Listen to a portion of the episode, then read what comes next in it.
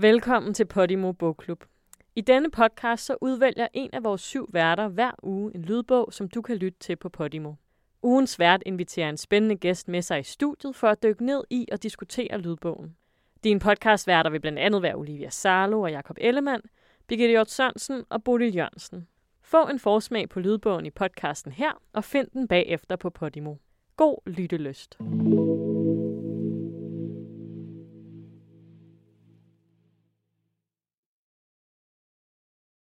Det, man bliver fascineret af ved det her true crime, det er jo ikke fordi, at man har lyst til at se folk blive slået ihjel. Man bliver simpelthen så fascineret af, hvorfor. Hvorfor det her mørke, de mennesker, der har det mørke, det er så uforståeligt, at man bliver sådan, er det en fejlkodning i dig, eller er det noget, du har oplevet for din barndom, eller hvordan, hvad der er sket? Man vil forstå det, man vil forstå det, man kan ikke klare, man ikke forstår det. Det er som om, at man har brug for, at brikkerne falder på plads, for man kan få det bedre i sit liv med den her verden. Velkommen til Podimo Bogklub. Ugens vært er Carsten Norton. Med sig i studiet har han Josefine Park. Og sammen skal de tale om Christian Korfiksens bog Sygeplejersken. En af Danmarks historiens mest spektakulære drabsager.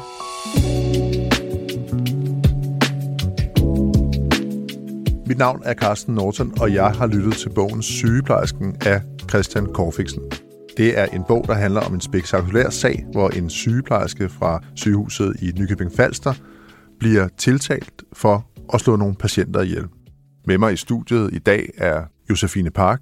Josefine Park spiller rollen som sygeplejersken Christina i serien, som slet ret også hedder Sygeplejersken. Velkommen til dig, Josefine. Tusind tak. Tak fordi jeg må være her. Det spørgsmål, som jeg har allermest lyst til at stille dig, før vi overhovedet begynder at tale om sagen, om bogen, om serien, det er, hvem er Christina Ejstrup Hansen? Det er jo lidt dobbelt, fordi for mig er der to forskellige Christinaer. Der er ligesom den rigtige person, og så er der en karakter, som jeg har lavet, kan man sige. Altså, jeg har jo lavet en fiktionalisering af hende. Men øh, jeg synes, det der er gældende for begge to, altså jeg har ligesom prøvet ikke at udtale mig for meget om hendes egentlige person, men meget om sådan, som jeg har lavet hende. Jamen altså, en bliver beskrevet i hvert fald som en fuldstændig fantastisk sygeplejerske, en god kollega, en øh, ret flamboyant person i det hele taget, dragende, ekscentrisk, og har en lille datter, og er egentlig ret populær på det her sygehus. Og så samtidig er hun jo en person, som også, tror jeg, har et kæmpe mørke de fleste folk beskriver hende som ekstremt tiltrækkende også. Ja, så er hun jo blevet dømt for de her fire drabsforsøg. Nu sætter du en del ord på hende. Jeg lægger blandt andet mærke til ordet flamboyant, mm. og så også en populær og dygtig kollega. Kan du ikke prøve at beskrive, hvordan Christina ser ud, altså også i din fremstilling af hende? Jo. Hvis nu man ikke har set Netflix-serien ja. Sygeplejersken. Altså, vi prøvede faktisk at lægge os ret meget op af, hvordan hun så ud i virkeligheden. Så øhm, farvet sort langt hår, sort øjen makeup, tæt siddende, lidt udfordrende tøj, privat og også øh, på sit arbejde, også øh, så tæt siddende som muligt. Ja, sådan øh, rank ryg og brystet forrest og stolt at se på, tror jeg. Og hvor hentede du sådan din inspiration til fremstillingen af hende? Altså, jeg startede med at læse Christian Korfiksens bog, Sygeplejersken, støvsuget den for al information. Jeg har den faktisk liggende nede i tasken, for der er fuldstændig overstreget alt, hvad der ligesom omtaler hende. Og så er det så sjovt, det der som skuespiller, at der både er folks opfattelse af hende, der er jo vildt meget, det er folk, der udtaler sig om hende. Ikke? Så jeg synes, at jeg prøvede at samle information fra bogen, talte med Christian Korfiksen, og så talte jeg rigtig meget med Pernille, som er den anden sygeplejerske, eller hende whistlebloweren, kan man kalde hende, der opdagede, at Christina ligesom havde gang i noget. Og så tror jeg, og det gør jeg med alle mine roller, at jeg prøver at samle alt information, jeg kan. Nu kan man sige, nu kunne jeg gøre det ekstra meget her, fordi der var et virkeligt lag i det, så der var sindssygt meget information at hente. Og så føles det lidt ligesom at lave sådan en øh, prik-til-prik-tegning, hedder det ikke det? De der paint by numbers, hvor altså er disciplinen at kunne forbinde de prikker, indtil der toner en skitse frem. Og så nogle af prikkerne er svære at forbinde for det er sådan et mentalt psykologisk arbejde, der skal være sådan, okay, hvorfor gør personen sådan her? er også noget af det mest spændende arbejde, som jo er en drøm for en skuespiller. Jo bredere spænd, jo bedre, jo større broen er, man skal bygge for at lave en helt støbt karakter. Altså jo sværere er det, jo sjovere er det. Og der har hun jo været ekstra udfordrende at skulle portrættere, fordi at spændet har været så sindssygt vidt. Og der vil jeg sige, at der er jo rigtig mange sådan, hvad hedder sådan noget, mental yoga, man ligesom skulle lave sådan strække sin hjerne, sådan, okay, hvordan kan man gøre det her og gøre det her, hvordan kan det hænge sammen? Ja, så det var sådan, jeg gik til det, informationssamling, og så er der jo rigtig meget, jeg har digtet og retfærdiggjort inden for, hvordan min psyke er, eller opprøvet at skabe en karakter ud for det. Hvad er det, du har digtet? Så er det sådan noget, kan vide, hvordan hendes barndom var, kan vide, hvorfor hun gjorde det her. På et tidspunkt knækkede jeg, der var noget med hendes gang, jeg fik at vide, hun gik på en bestemt måde, med hendes hestehale, der ligesom Øh, flagrede på en bestemt måde. Så tænker jeg, uff, der er noget i den. Der er sådan nogle små informationer, der pludselig falder rigtig meget på plads.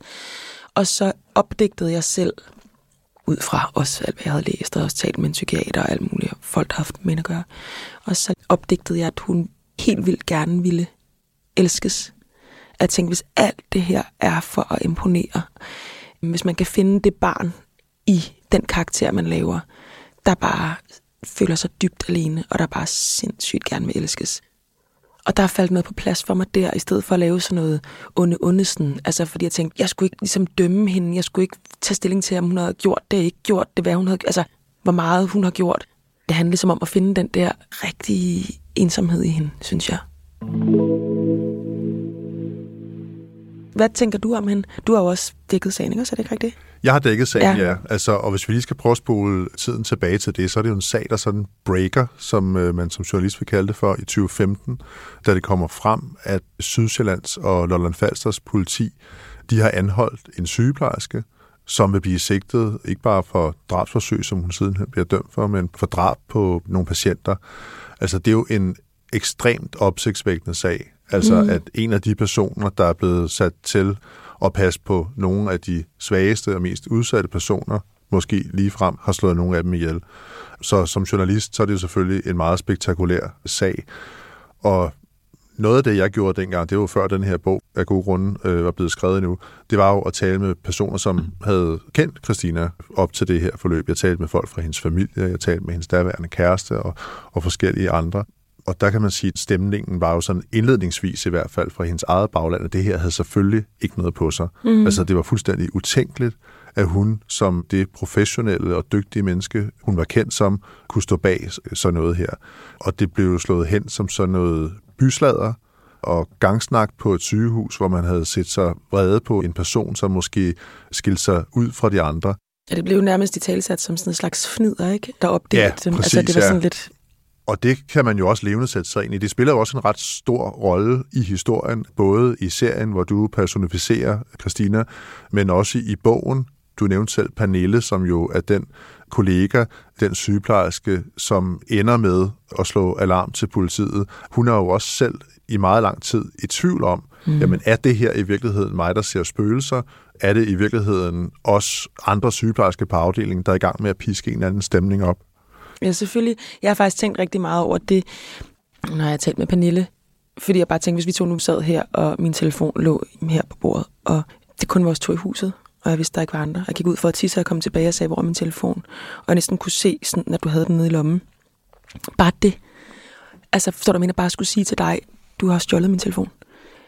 Det er lige før, jo, man ville lade være, og så vil man gå hjem og være sådan, jeg tror fucking, han stjal min telefon, ham der verden. Altså, det er totalt skørt, han stjal min telefon. Jeg kan jo ikke et eller andet, ikke? Man vil jo altid prøve at tænke, om det er nok mig, der ser galt. Det gør folk ikke. Det er for mærkeligt. Så det der med, at hun har skulle råbe vagt i gevær på noget så vildt, altså at sige, nogen har, jeg tror, hun har slået mange mennesker ihjel. At hun har kunne finde det mod og den sikkerhed i sig selv at vide, jeg ved, jeg ser rigtigt. Det synes jeg er, ja, det er helt vildt, altså sidespor. Og jeg synes ikke bestemt ikke, det er et sidespor, fordi hun, hun er jo i det her dilemma lang tid, og Pernille skal vi også lige have med for dem, der måske ikke har set serien eller læst bogen endnu eller hørt den. Hun bliver jo kæreste med en læge på hospitalet, og han er jo en af de første, hun lufter den her mistanke for. Altså hun vælger ligesom at betro sig til sin kæreste og sige, jeg tror simpelthen, at min kollega slår nogle af patienterne ihjel. Og han bliver jo faktisk vred, Ja, ja, han synes, det er helt langt ude. Ja, han går jo faktisk i vrede derfra og siger, det skal du holde op med. Du skal ikke sige sådan om dine kolleger. Det er langt over stregen og så videre. Og det fører så til, at Pernille, hun ligesom vender det hele endnu en gang. Men måske også begynder at blive mere systematisk i sin tilgang til det.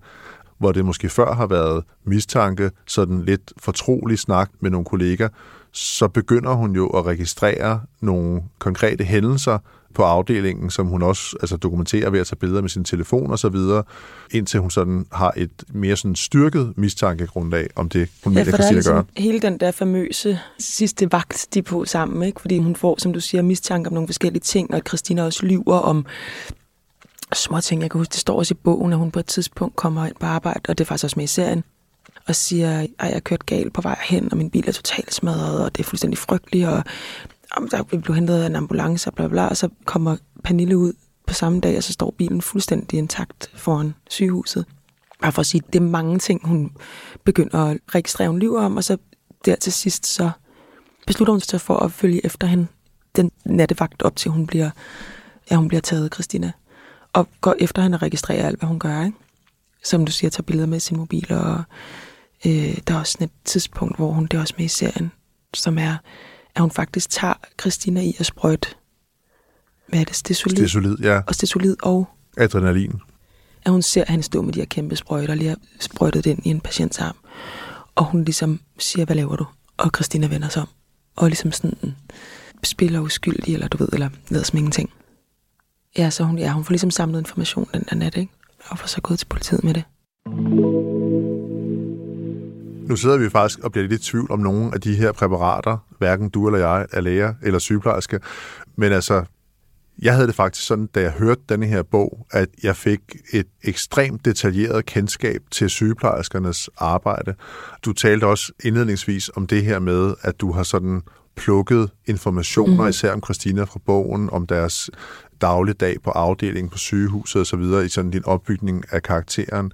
Altså, jeg har lidt lyst til at tale med dig om den der detaljegrad, der er i bogen, fordi jeg havde det måske faktisk sådan lidt, for at være helt ærligt, øh, nogle steder. Jeg synes, det var ret overvældende.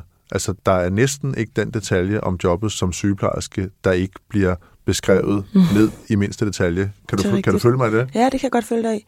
Altså, men jeg tror også, det gør faktisk historien stærkere på en eller anden måde, fordi der er jo noget i, at det bliver så virkelig så konkret, og jeg synes faktisk, det Christian kan, Christian Korfiksen med den her bog, det er, at det er faktisk ret nøgternt det hele. Jeg synes, han afstår fra at fordømme så vidt muligt man kan være objektiv, ikke? men altså, synes jeg, han kommer ret godt afsted med, og det synes jeg, det, det hjælper, hele den der konkretisering af sygeplejejobbet.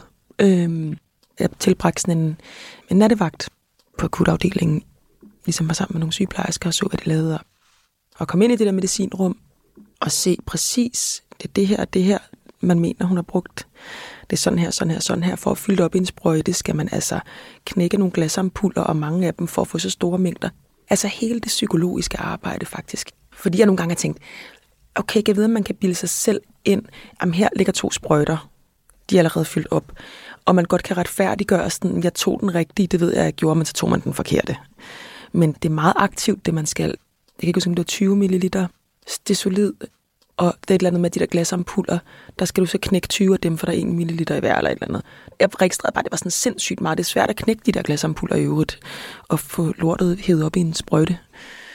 Så som skuespiller i hvert fald var det super rart med det der super konkrete i bogen. Og jeg synes også, at det ja, er med til at forstærke historien. Eller hvad? Synes du, det var irriterende? Nej, det synes jeg overhovedet ikke. Jeg synes, det er meget, meget grundigt, og som du siger, så holder forfatteren også en meget, meget nøgtern og objektiv tone.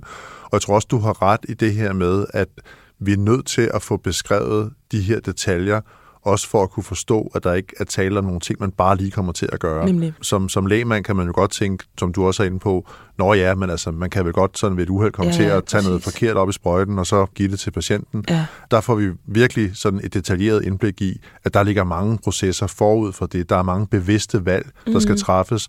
Der er også mange tidspunkter, hvor man faktisk kan vælge at stoppe sig selv, selvom man havde sat gang i et forløb, så kunne man godt nå at komme i tanke om, at det her det er måske en helt forkert vej at gå. Det er helt klart det, jeg tænker med, faktisk når jeg talte om til at starte med, med at bygge broer, ikke? eller med at lave de der, og connecte prikkerne, eller informationen. At jeg har, og nu jeg er ret påpasselig med ikke at tale om hende, synes jeg, så nu prøver jeg bare at tale om min fiktionalisering af Christina, men hvor man jo antager, at hun har slået nogen ihjel og sådan noget. Det jeg har tænkt, det er, at man godt kunne have stoppet sig selv, og at man skal, at det er lang tid at være inde i, at det tager lang tid at trække det der medicin op, og som du siger, at man kunne godt have vendt om. Og jeg tror, at det der, det har været, den har jeg sgu, der har været noget sådan... Øh, ja, jeg kan beskrive det mest som sådan en hjerne, der skal lave noget yoga. Altså man ligesom skal sådan noget, åh nej, jeg kan godt, jeg skal lige strække det lidt længere mine tanker for at forstå ligesom øh, det øjeblik, synes jeg har været det sværeste at forstå. Hvad tror du har drevet hende? Hun blev jo ligesom udredt, ikke? og de sagde, at hun havde en histrionisk personlighedsforstyrrelse, som er i kategori med narcissisme og psykopati og borderline. Og som ligesom er en overdreven trang til opmærksomhed og en jeg tænker sådan lidt mytomani, altså man lyver helt vildt, finder på vilde løgnhistorier for ligesom at få, få opmærksomhed primært. Og det er jo sådan den overfladiske del af det. I min version af hende tænkte jeg rigtig meget, at den der dybe ensomhed, følelsen af, at man gerne ville ses, og følelsen af ikke at kunne connecte til mennesker, altså ikke at kunne forbinde sig til andre folk. Fordi hun jo slog dem ihjel, men der var også mange gange, hun ikke gjorde, hvor det var for, at folk skulle se hende. Altså give dem hjertemassage og være en held. Så i min version er det vel, at man i en overdreven grad vil elske sig ses. Og hvis ikke man kan finde ud af at stille sig til rådighed med et åbent hjerte og al den skrøbelighed og det at være menneske og alt muligt for at forbinde sig til folk, så har det måske været sådan, hun har følt sig forbundet. Der, der er en scene i bogen, som også er med i serien, som jeg ikke kan lade være med at tænke på, som sådan meget, meget central i forståelsen af Christina, og i forståelsen af hendes, hvad skal man sige, motivation til at gøre sådan, som hun har gjort.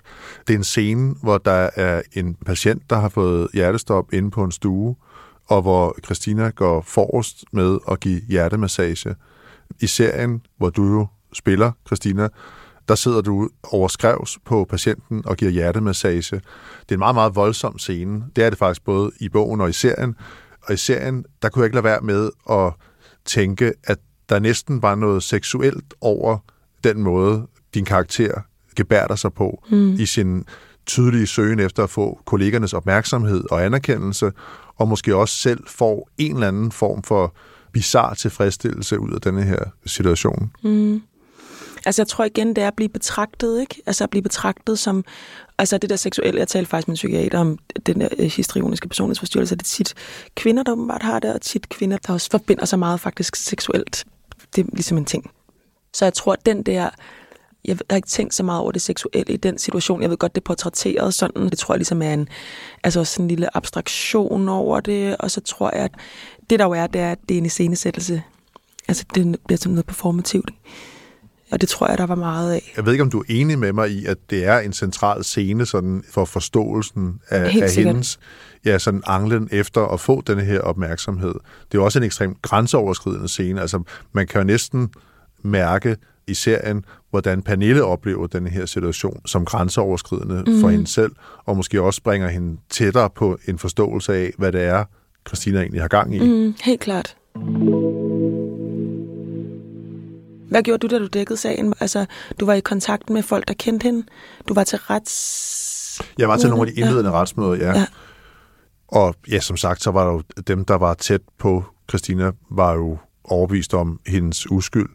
Og der tegnede sig jo også, det er jo også i øvrigt med i, i, i bogen, synes jeg, en meget fin beskrivelse af hendes øh, baggrund i sådan en helt almindelig, altså kernefamilie i Ballerup, i et sådan pænt villakvarter, helt almindelige forældre, og en opvækst med sportsforeninger og skolegang og så videre. Men det er det, jeg synes, der er rigtig interessant faktisk med altså alt det her true crime, som det her jo også går ind under, må man sige. Det gør det faktisk, da serien skulle ud, blev jeg en lille smule sådan kvalm over det. Jeg pludselig tænkte, gud, har jeg tænkt mig ordentligt om?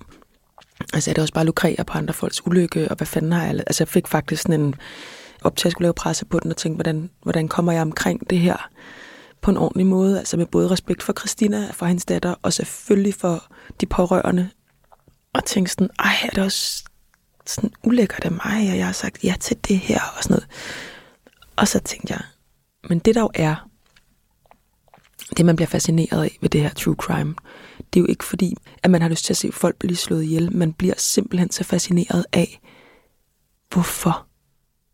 Hvorfor det her mørke, de mennesker, der har det mørke, det er så uforståeligt, at man bliver sådan, er det en fejlkodning i dig, eller er det noget, du har oplevet for din barndom, eller hvordan, hvad der er sket? Man vil forstå det, man vil forstå det, man kan ikke klare, man ikke forstår det. Det er som om, at man har brug for, at brikkerne falder på plads, for man kan få det bedre i sit liv med den her verden.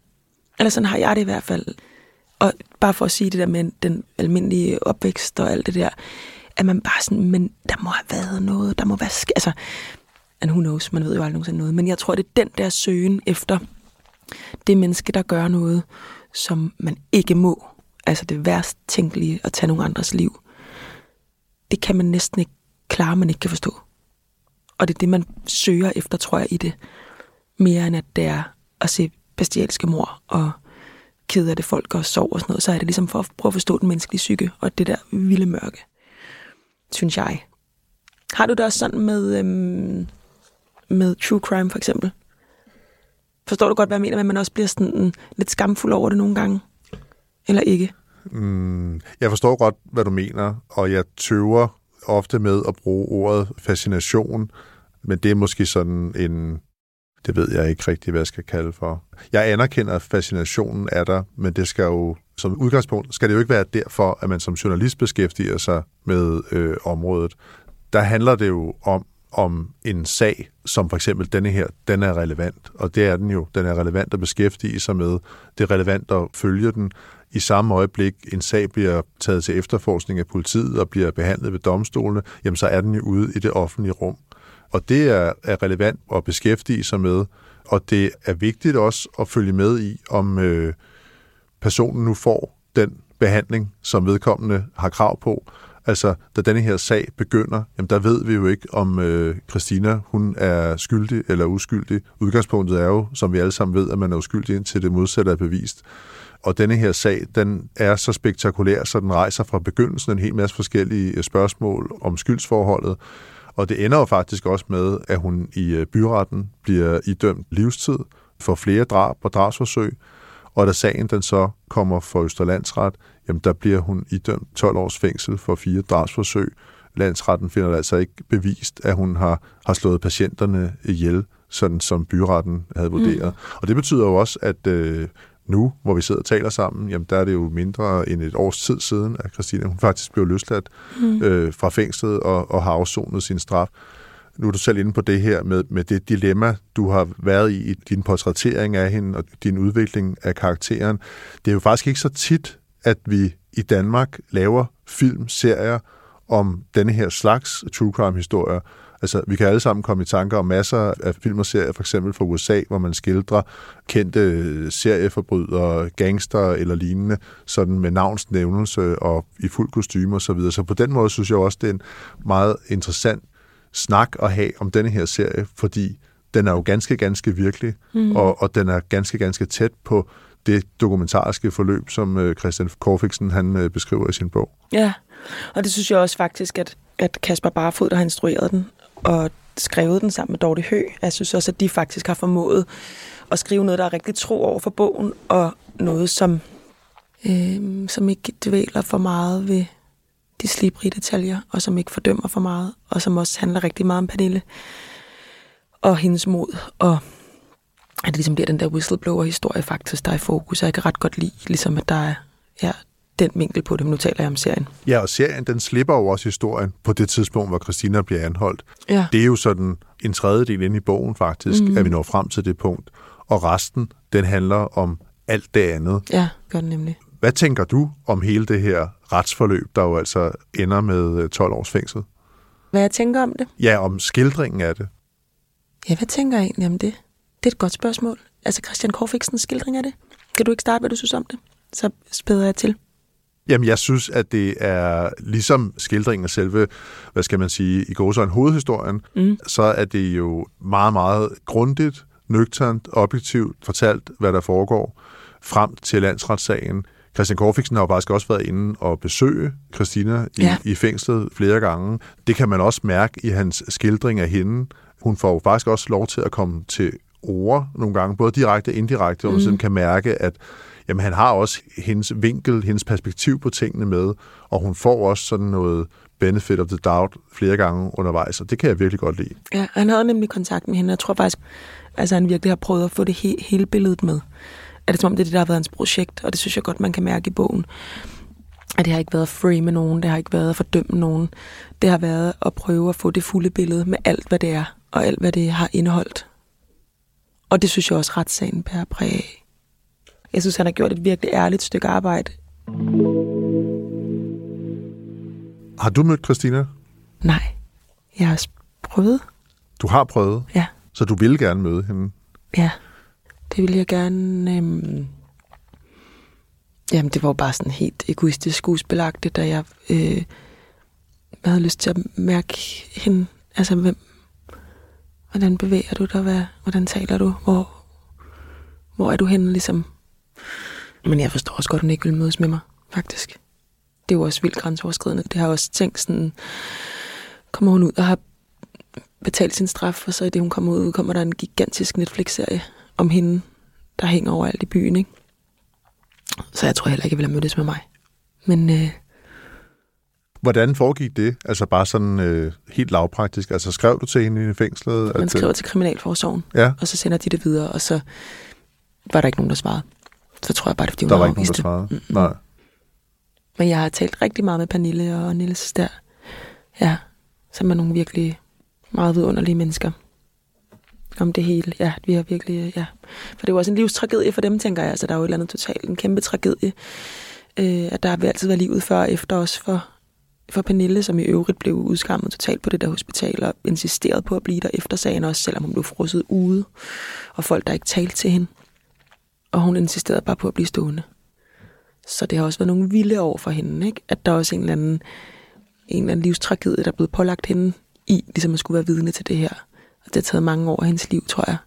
Hvad vil du sige til Christina, hvis du mødte hende i dag? Det ved jeg sgu ikke. Aner det ikke.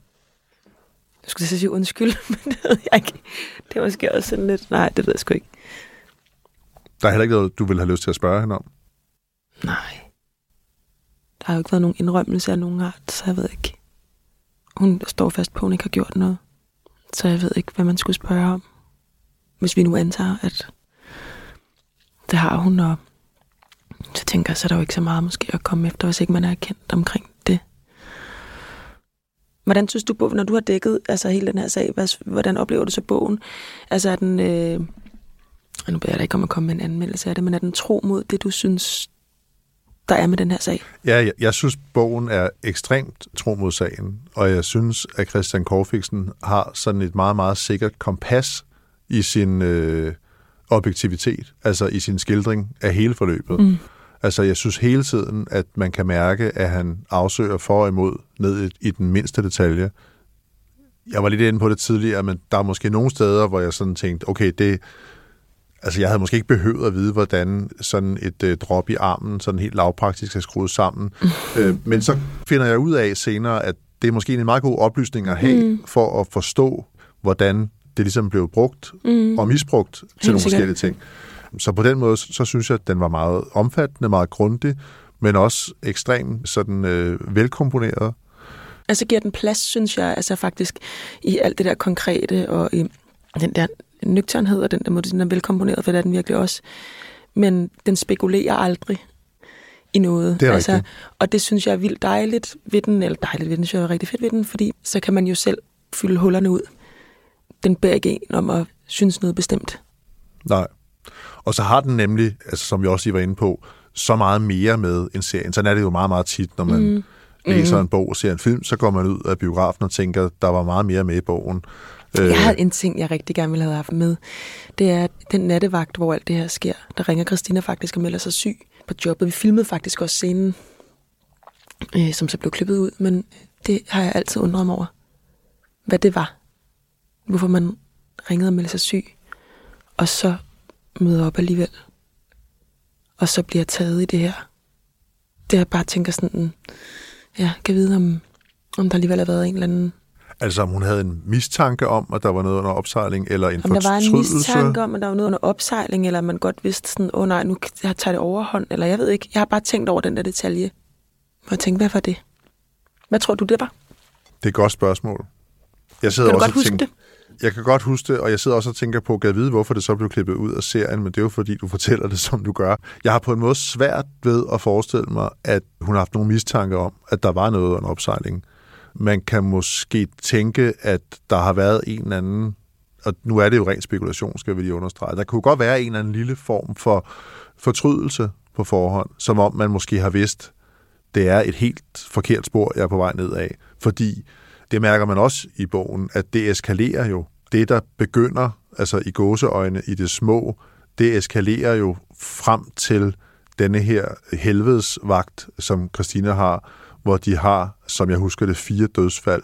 Ja. Noget hun så i øvrigt skriver om på Facebook bagefter, Øh, ja, det er rigtigt, ja. At der har været fire mors på denne her vagt, og hun skriver ligesom også tak for kampen til, jeg går ud fra, til sin kollega. Det er jo ligesom sådan en glidebane, hun er på vej nedad. Ja. Og hvis man skal, så skal prøve at se den der sygemelding i den kontekst, jamen, så kan man måske godt tænke, jamen, prøvede hun i virkeligheden at stoppe sig selv? Det er det. Ja. Ja, han har faktisk også de der Facebook og sms'er med i bogen, ikke også? Jo.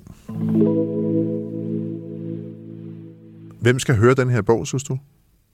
Vi går ud fra, at alle har selvfølgelig set serien, så... Alle har set den serie. Så hvem skal høre bogen? Øh, mm, ja, det er et godt spørgsmål. Altså, jeg synes faktisk, at den er ret uh, tilgængelig for alle. Jeg synes, at uh, den i den måde at afstå på, på en eller anden måde også bliver en måde for mig i hvert fald, jeg rigtig godt kan lide at læse ting, der har med den menneskelige psyke at gøre, og sådan noget, mikro, øh, sådan noget med sådan noget mikroting og relationer, og hvorfor gør den det, og hvorfor gør den det. Og det gør den her bog jo ikke, men jeg synes faktisk, at den åbner for det, ens egen fantasi, øh, for ligesom at prøve, at, eller som ligesom åbner op til, hvorfor er mennesker mennesker, som de er. Og det synes jeg, den gør i sin nøgternhed. Så jeg synes både, man kan læse den, eller lytte den, hvis man helt konkret gerne vil høre en detaljeret beskrivelse af den her sag, som er jo spektakulær. Men jeg synes også, at den åbner et andet rum, som er ja, det der store spørgsmålstegn med hvorfor.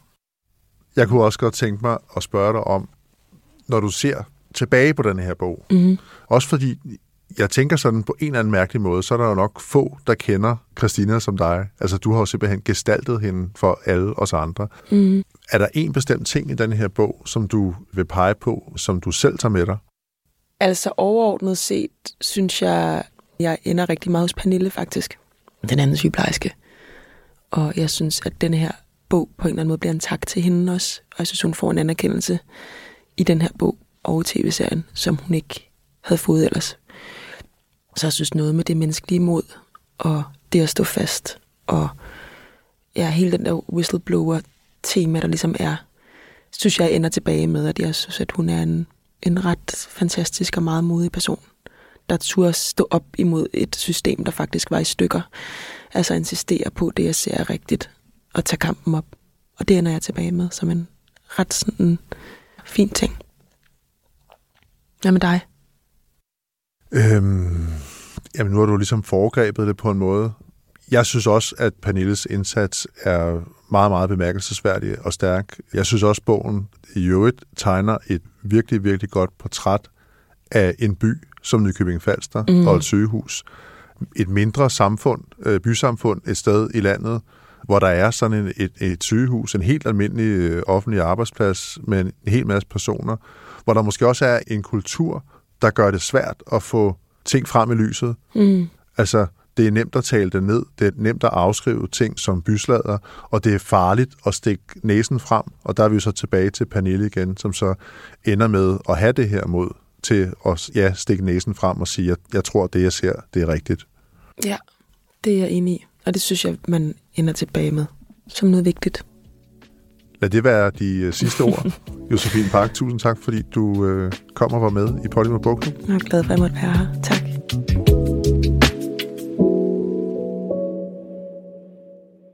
Tak, fordi du lyttede med. Du kan finde sygeplejersken, en af Danmarks historiens mest spektakulære drabsager, på Podimo.